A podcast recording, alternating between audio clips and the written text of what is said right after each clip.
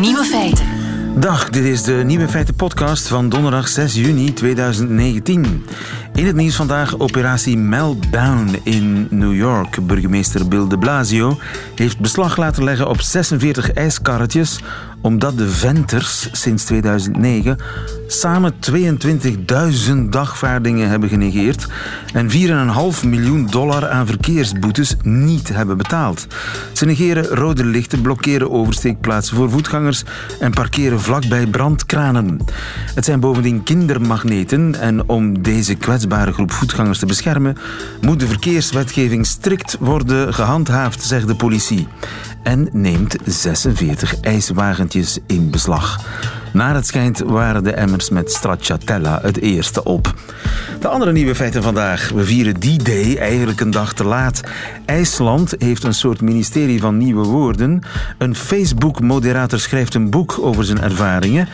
En Rusland wil een hek om het Russische internet zetten.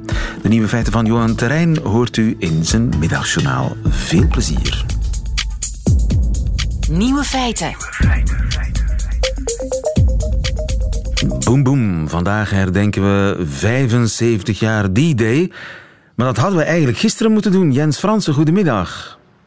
Goedemiddag, lieve. Jens, jij bent onze man op Omaha Beach. Of hoe zeg je dat? Omaha? Ik heb Obama, Omaha. Ik heb de neiging om Omaha te zeggen.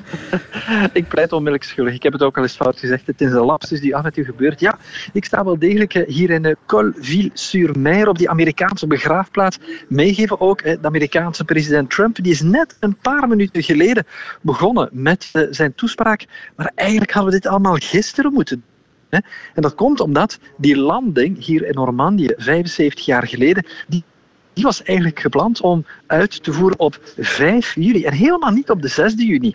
En dat komt omdat het uh, toen op dat moment heel erg aan het stormen was. En je kon natuurlijk niet zomaar op elk moment landen. Eigenlijk waren die militaire planners op zoek naar een moment waarop je app had, waar het dus laag water was.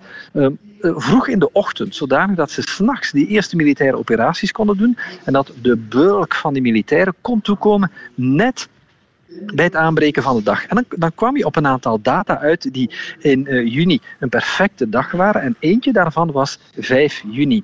Maar de ochtend voordat alles moest beginnen, de nacht, hè, de nacht van de vierde, was het zo aan het stormen dat de opper hebben dan heeft besloten, kijk, we gaan alles uitstellen. Het kan gewoon niet doorgaan. De dag nadien was het weer ietsje beter. Let wel, het was nog altijd aan het stormen. Maar toen is toch beslist, kijk, we gaan die landing laten doorgaan. En misschien een geluk bij een ongeluk, want de Duitsers aan de andere kant, hier in Normandië, die zagen, die zagen natuurlijk ook die storm. En die dachten op dat moment, ja, het stormt zo hard. We weten dat er een invasie gaat zitten aankomen. We weten niet waar, maar het zal niet voor de komende twee, drie dagen zijn. Want je moet wel gek zijn om te landen in zo'n weer. En kijk, door toch die landing te laten doorgaan, heeft een stukje dat verrassingseffect toch gespeeld. Je moet soms de goden, de weergoden uh, mee hebben. uh, D-Day, waarom heet dat eigenlijk D-Day? Waar komt die die vandaan? Lieven, zeg niet D-Day, maar zeg operatie Overlord. Want dat was eigenlijk de echte historische naam die gebruikt is 75 jaar geleden. Hè. Uh, militaire operaties krijgen een naam. En in dit geval was dat Overlord. Maar door de jaren heen, door de decennia heen, zijn we ergens D-Day beginnen gebruiken. En dat heeft eigenlijk te maken met het feit dat. Uh, voor de, uh, uh, de, de landing zelf werd er gesproken van D-Day, maar dat is eigenlijk een generieke naam. Dus militairen hebben eh, planning nodig, want daar zit een hele logistieke operatie nodig. En die militaire planners, die vaak zelf de datum niet weten, moeten wel die hele operatie gaan beginnen plannen. En dan gebruikt men het fictieve uur, D-Day, met het fictieve uur waarop alles begint. En dan kunnen we gaan zeggen bijvoorbeeld D-Day plus 1 en plus 3 hash van uur. En dan weet men, kijk, dat is drie dagen na het begin van de operatie, drie uur uh, nadien. En zo kan men ook beginnen plannen. In andere landen gebruikt men daar bijvoorbeeld andere letters voor. Hè. In Duitsland gebruikt men uh, X. In het Nederlands gebruiken we bijvoorbeeld het uur U. Ja, ja. Vreemd genoeg, door, door, doorheen de jaren is men eigenlijk die D beginnen gebruiken. En spreken we nu van die day Er zijn allerlei andere verklaringen voor. Dus die D staat gewoon voor de dag.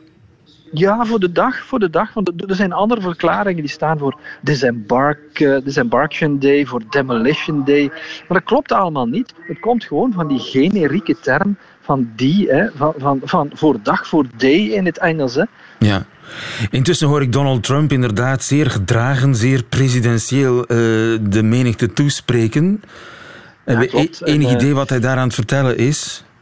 Ik heb het eh, in, in het begin een stukje kunnen meevolgen en ik volg het nu nog via een, eh, een Franse vertaling. En uh, klopt wat je zegt, het is eigenlijk een heel presidentiële Trump, hè, die zich wellicht ook gewoon aan zijn tekst houdt. Weet ook dat hij een, zes maanden geleden heel wat kritiek heeft gekregen. Toen was hij hier in Frankrijk voor het, ja, voor, het einde van de Eerste Wereldoorlog, voor die verjaardag te vieren. En toen moest hij eigenlijk ook naar zo'n Amerikaanse begraafplaats gaan. Heeft hij niet gedaan omdat het toen aan het stormen was, heeft hij heel veel kritiek gemaakt. En je voelt een beetje dat hij dat nu wil goedmaken. Je ziet dat ook, daarnet handjes schudden met die uh, overlevende veteranen op dit ogenblik ook. En je voelt dat hij er toch wel iets had goed te maken. Ja. En Omaha Beach, waarom kiest hij voor Omaha Beach? Wel, hij kiest voor Omaha Beach omdat hier de plek was waar eh, de Amerikanen 75 jaar geleden aan land gekomen zijn. Er waren vijf plekken waar geland zijn. Drie waarop de Britten zijn geland en eentje waarop de Amerikanen geland zijn. En vreemd genoeg ja, zijn hier ook de meeste Amerikaanse slachtoffers gevallen. Bijna één op de twee van de Amerikanen zijn omgekomen tijdens die landing. Er was een heel groot cijfer bij de Britten. Op een van de stranden bij de Britten is maar 5% van de soldaten omgekomen. Dat had ermee te maken dat de Duitse stellingen hier aan dit strand waar ik nu sta, waren blijkbaar niet goed gebombardeerd in de uren en dagen voordien. Waardoor ze dachten, kijk, de Amerikanen dachten, we gaan relatief snel kunnen oprukken. Maar op het moment als die Amerikaanse soldaten op het strand stond, dan begon een ongelooflijke ja, bataille eigenlijk. Ze werden bestookt vanuit die, die nesten, die bunkers. Ze hebben heel wat mensen verloren en dus logischerwijze vind je ook die Amerikaanse militaire begraafplaatsen hier, een aantal tientallen meters boven dat strand wat hier net onder mij ligt. Ja, eh, D-Day, 75 jaar geleden. Donald Trump samen met eh, Jens Fransen. Dankjewel. Goedemiddag.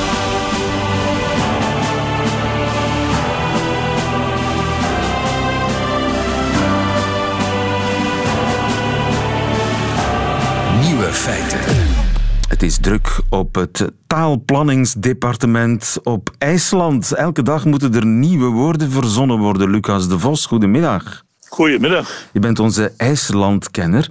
Ze hebben daar dus kennelijk een soort van ministerie voor nieuwe woorden in IJsland.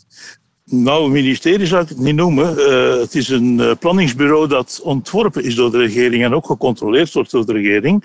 Maar het bestaat uiteindelijk uit afwisselende wetenschappers en mensen die iets van taal afweten of die taalvragen hebben en die elkaar aflossen om nieuwe woorden te bedenken. En die nieuwe woorden, dat zijn dan eigenlijk woorden uit uh, andere talen die verijslandst moeten worden? Het zijn de woorden die nu natuurlijk binnenkomen, omdat er nieuwe vormingen zijn. Je weet zelf hoe snel de technologie technologie verandert. Je weet zelf hoe de wetenschappen uitbreiding hebben genomen. Maar het gaat over meer dan dat. Het gaat ook bijvoorbeeld over het taalgebruik van jongeren. Dat ze oppikken natuurlijk van voornamelijk Anglo-Saxische zenders.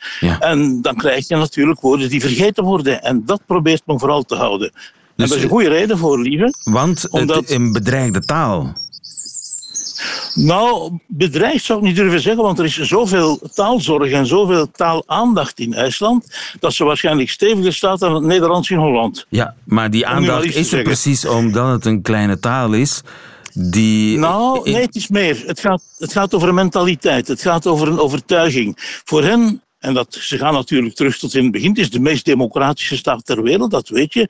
De Althing is al, eh, is al gesticht, dus het, parlement van de vrije mannen is al gesticht in het jaar 930 eh, en werkt nog altijd vandaag. Het, belangrijkste is vooral dat zij een directe band zien tussen hun geletterdheid, tussen hun kennis van hun eigen taal en cultuur en uh, de mannelijke deugden, zeg maar. Vroeger was dat militair, was dat, waren dat de gevechten. Vandaag is dat vooral democratie, is dat vooral openheid. Je moet ook niet vergeten dat bijvoorbeeld IJsland de strengste wet heeft op de bescherming van de privacy, op de bescherming van het uh, brongeheim, op de bescherming van de vrije meningsuiting. Dus dat zijn nu dingen die in de plaats gekomen zijn van hun ja, krijgshaftigheid van vroeger. Ja, dus ze zijn heel erg trots op hun taal. Een taal die door Bijzonder. Netflix bijvoorbeeld eh, niet gebruikt wordt. Je kunt geen ondertitels in het IJslands krijgen. Dus een, een taal die door eh, de rest van de wereld een beetje vergeten wordt, maar zeker niet door de IJslanders zelf. Wat zeggen zij tegen een banaan tegenwoordig? Oh, nu zeggen ze banani. Eh, dat is, eh, vroeg, ze hadden daar een ander woord voor dat ik nou meneer, niet meer herinner, want het is uit de mode geraakt. Ze zeggen banani, maar je moet niet vergeten, zoals het hoort, is het banani. Want in elk eh, woord in het IJslands en in alle Germaanse talen trouwens, ook in het Nederlands, ligt de klemtoon op de eerste lettergreep. En dat hebben ze dus gewoon aangepast aan hun systeem. Ze hebben dan wel een vreemd woord geaccepteerd, omdat uiteindelijk vonden ze ook dat het een beetje... Krom dwaas was fruit vandaag. was het, geloof ik, dat het eh, iets met Ja, krom precies. fruit. Wel, een kromhangend fruit was dat. Kromhangend fruit. En de, en de televisie? Eh, ah ja, de Schoonvarp. Eh, de Schoonvarp. Ja, ook radio trouwens. Enfin, ik heb zelf voor de radio gewerkt, net als jij. En ze vroegen me dan in Reykjavik, ja, wat doe je eigenlijk? En dan zei ik gewoon, ja, jij, jij heet hier Lucas. Uh, jij hebt gezegd dat maar Oetvarp sinds uh, uh, Vlaamska. en Oetvarp, dat is dus, je hoort het woord uh, uitwerpen, uitzenden. Uitwerp. Oetvarp. De radio is de ja, uitwerp. De uitwerpen. En, ja, en bij uh, televisie is het dan schoonvarp. Schoon is gewoon een beeld, is kijken, een, een beeld, een zicht. De, dus de, ja, dat werpt dan beelden uit. De kijkwerp. De beeldwerp. De, de, de kijkwerper of de, beeldwerper, de zoals je zegt. Ja. en wat zeggen ze tegen echo? Oh, dat is, uh, wacht even, Sean, Sean Mal, of Mal Sean? Oh, wacht, Sean, Sean Mal, denk ik. Mal, ja. Sean Mal, dat is gewoon, Mal is spraak. Dat zie je ook in de naam trouwens van die taalcommissie. Die taalcommissie die Islands Malneffend heet. En Malneffend betekent dus gewoon een taalcommissie. Ja. en dus echo is als bergpraat. Nou, nou, praat, ja, nee, nee, niet praten. Het is eigenlijk... Uh, Um, ja, het berg, berggeluid. Uh, berggeluid. In die aard. Ja, ja. Ja, zoiets. En, en wat logisch is, hè? Die commissie die dan allerlei uh, IJslandse woorden bedenkt voor nieuwe fenomenen, waar anders Mhm. mm -hmm. leenwoorden zouden voor uh, gebruikt worden. hoe werkt die? weten we dat? Zit die ergens in een slecht verlucht lokaaltje die woorden te bedenken? Of, of gaat dat... Er is, er is een, een, een, een heel kantoorcomplexje voorzien. maar ja, dat is zoals elk wetenschappelijk instituut. Daar wordt door een vijftiental mensen, want er zijn vijftien leden van dat comité, uh, die, die dus aangeduid worden door uh, de, de, instellingen. En die uh, zijn de hele dag bezig met het verwerken van suggesties, want iedereen mag een eigen woord bedenken in, in IJsland. En dan wordt dat even getoetst, er wordt dan aangezien of het allemaal historisch verantwoord is. En dan over het algemeen wordt het eerst aangekondigd in de kranten als er een nieuw woord is. Uh, soms wordt het door de, de massa verworpen of niet gebruikt en dan verdwijnt dat woord weer. Uh, soms, en dat gaat heel vaak zo, uh, snelt het snel aan en dan begint iedereen dat nieuwe woord te gebruiken. Op televisie, op radio, in de kranten en ook de gewone mensen onder elkaar. En ze vinden dat heel leuk dat ze een eigen woord weer hebben. Ja, taaltrots in IJsland. Dankjewel, Lucas de Vos. Goedemiddag. Graag gedaan, lieven. Radio 1.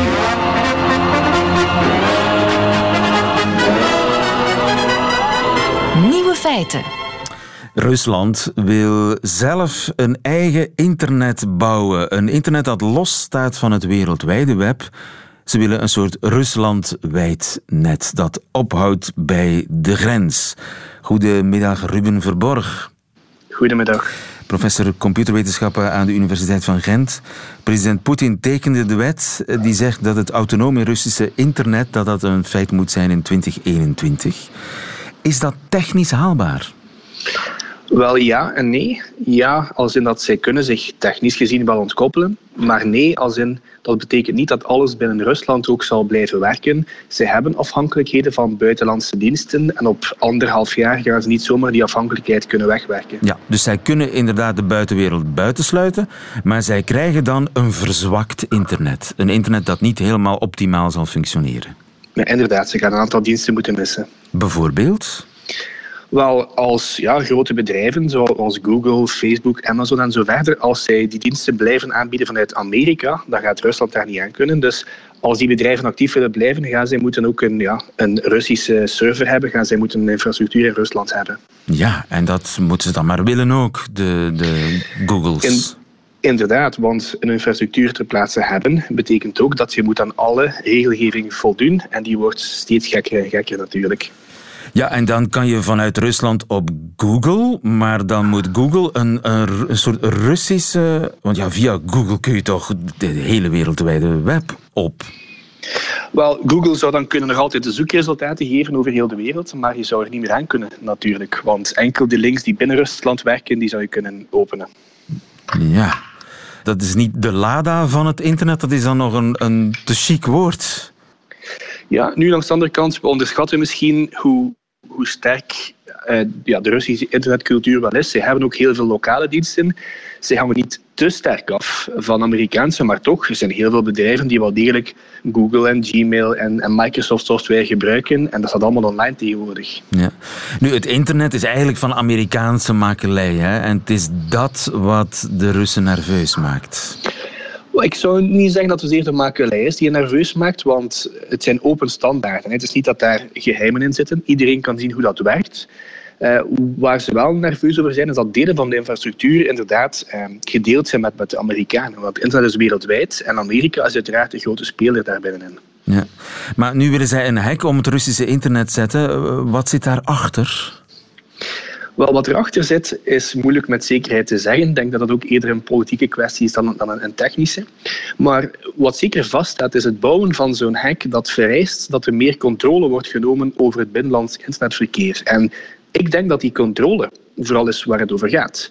Ehm, en of ze die controle gaan gebruiken om zich tegen het buitenland te beschermen of om hun eigen burgers te gaan afluisteren, dat is moeilijk te zeggen.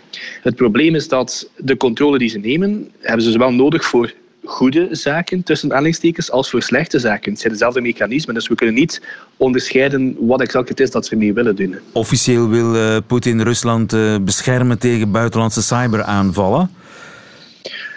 Maar goed, um, dat is, is een manier om het uit te leggen. Maar ja, diezelfde mechanismen voor zo'n bescherming zorgen er ook voor dat hij meer controle heeft over wat er in het binnenland gebeurt. Dus beide uitleggen kan je eigenlijk gebruiken om, om dezelfde actie te verantwoorden. En welke de juiste is, kunnen we niet zeggen, denk ja, ik. Want er zijn al mensen op straat gekomen, Russen komen op straat, omdat ze inderdaad vrezen dat dit het einde is van de internetvrijheid in Rusland. Dat zit er dik in, hè?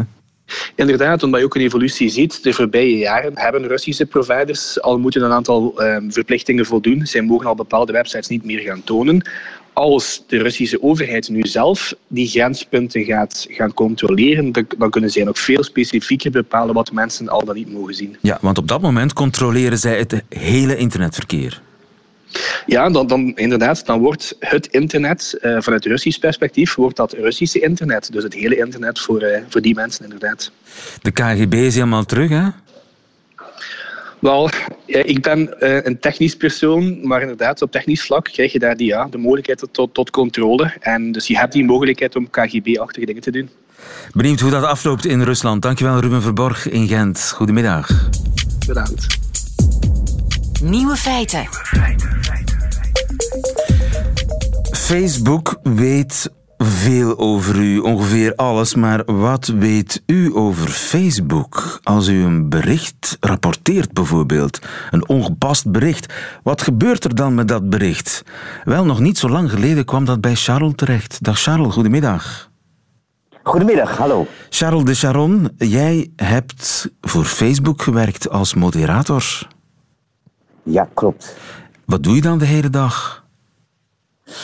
Uh, wat je als content moderator doet voor Facebook en Instagram is iedere post die gerapporteerd wordt door een mens of wat kunstmatige intelligentie opgevallen is van dit kan niet door de beugel, die moesten wij als moderatoren beoordelen of dat inderdaad zo was. En wat krijg je dan allemaal op je bord? Uh, je begint je eerste twee uur van de dag met de zogenaamde high priority posts. Dat zijn de, uh, de posts die gerapporteerd zijn die voor Facebook de hoogste prioriteit hebben. Uh, dit zijn de zelfmoordgevallen, de zelfbeschadigingstickets, dus mensen die in hun armen snijden, vaak, eh, nou meestal kinderen. Uh, de uh, anorexia mensen die zichzelf uithongeren. dat soort gevallen. Dat is de eerste twee uur van, van je shift. En daarna ga je in de, zeg maar, de tussen aanhalingstekens normale rij van gerapporteerde posts. En dat zijn de de haat, de pesterijen, racisme, neonazies, eh, berichten rechtsextremisme en terreur. Dat is dan uh, de mindere kost, zeg maar. Precies, dat is dan zeg maar tussen aanhalingstekens de normale rij waarin je zit. En, en dat dag in, dag uit. Precies. En dat, is, dat hoort eigenlijk 24 uur per dag te zijn.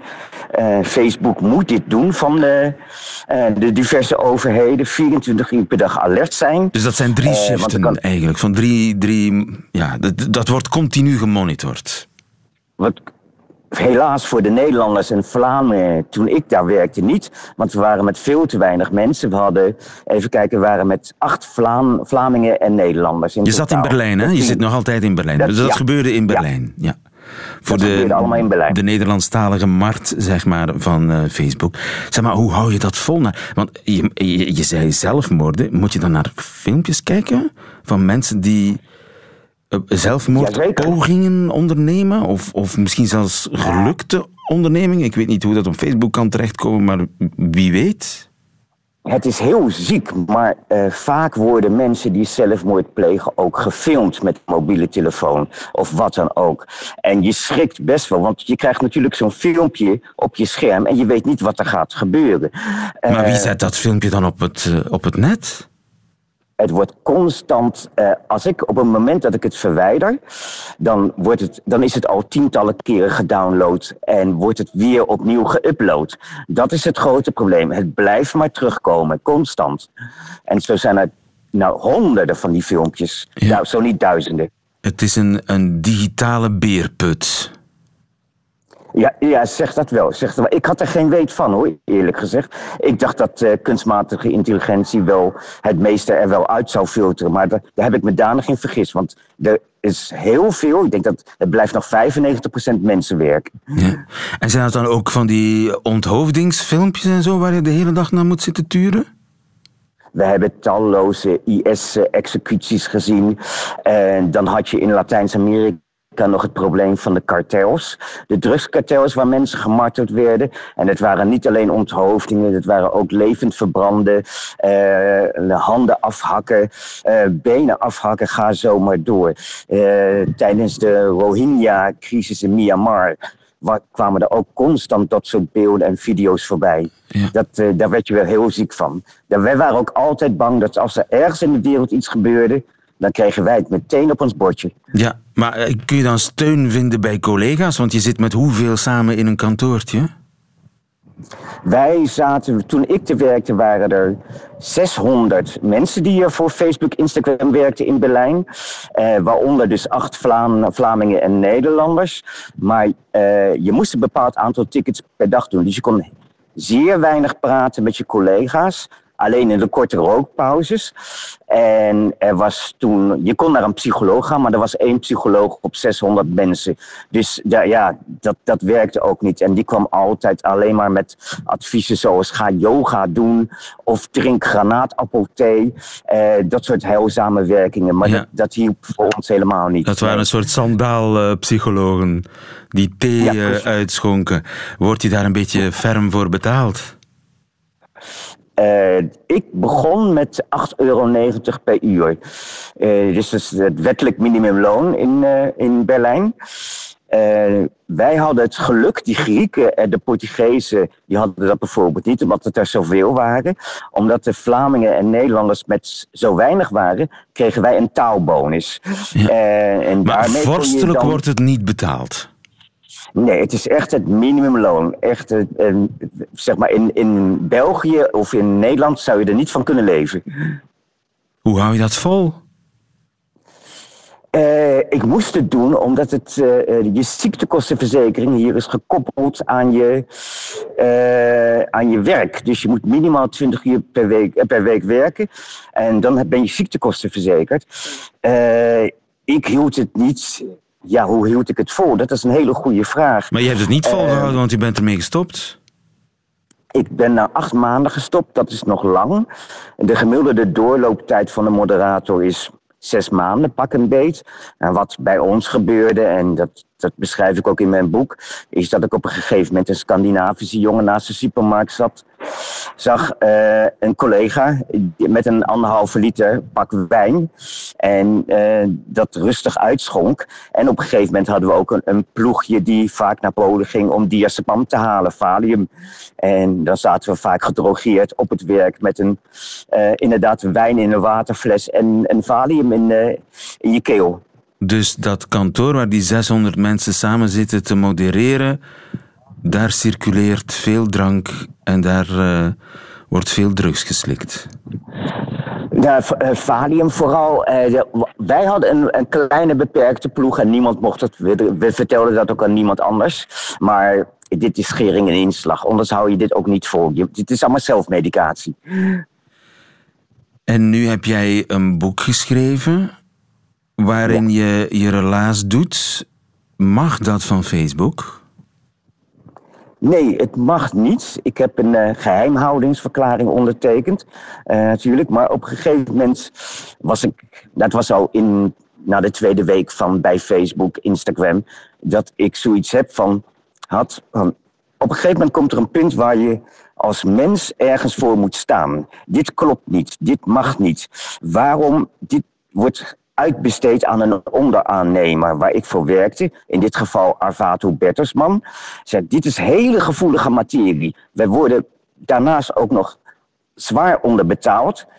Dit moeten mensen weten. Want ik heb altijd gedacht, kunstmatige, kunstmatige intelligentie doet dit werk. Dat is niet zo. Het, uh, dat is niet zo. Mensen doen dit wereldwijd. Dat zijn er tienduizenden.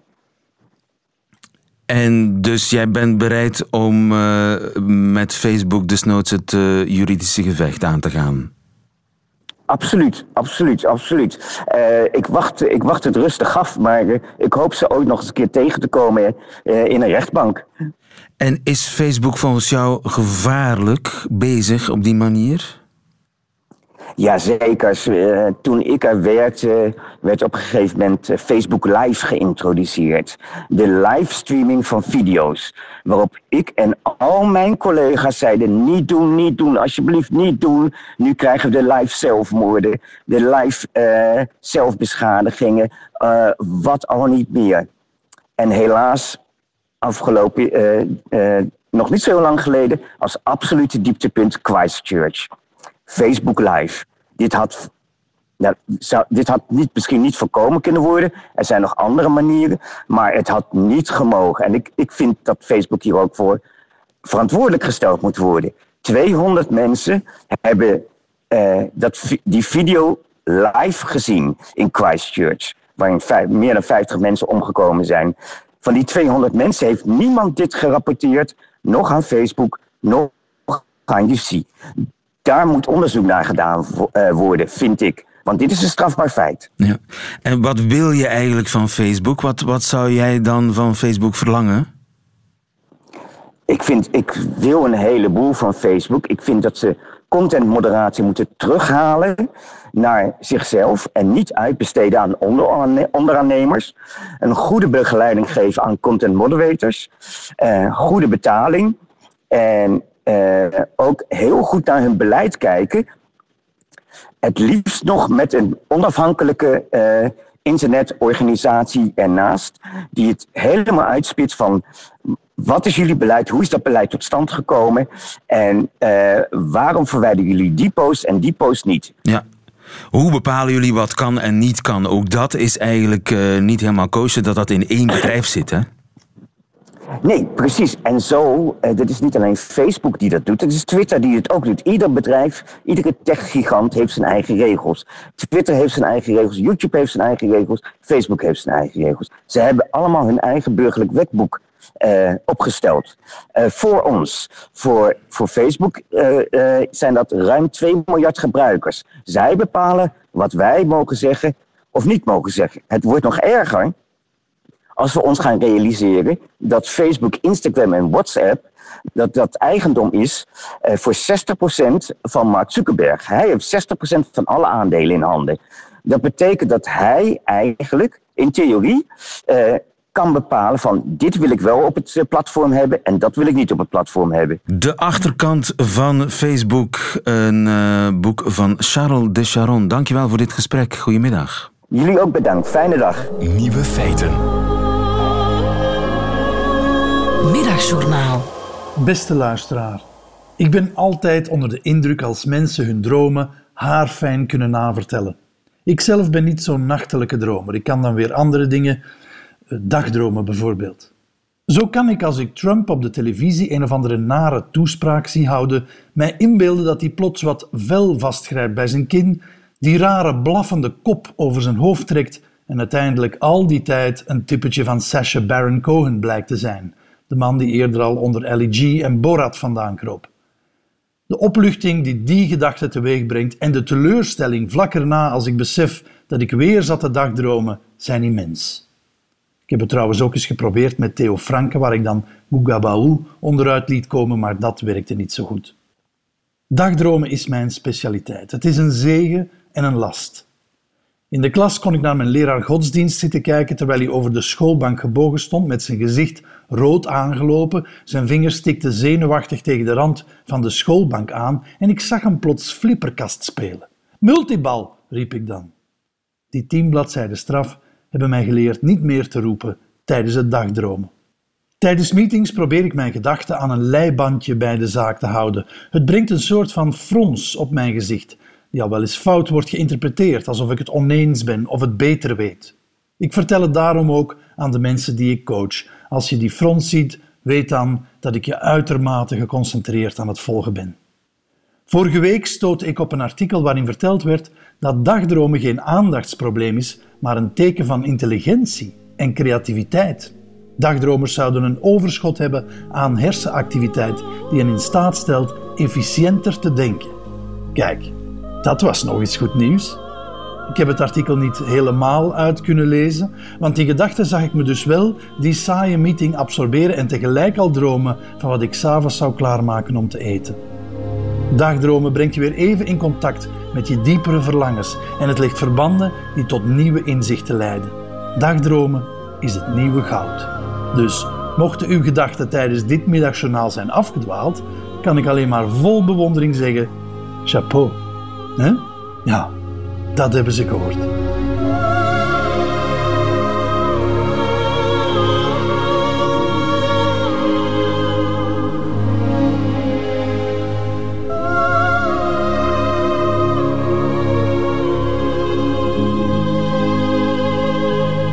Johan Terrein in het Middagjournaal. Einde van deze podcast, maar u vindt er nog veel meer op radio1.be en op de podcastkanalen.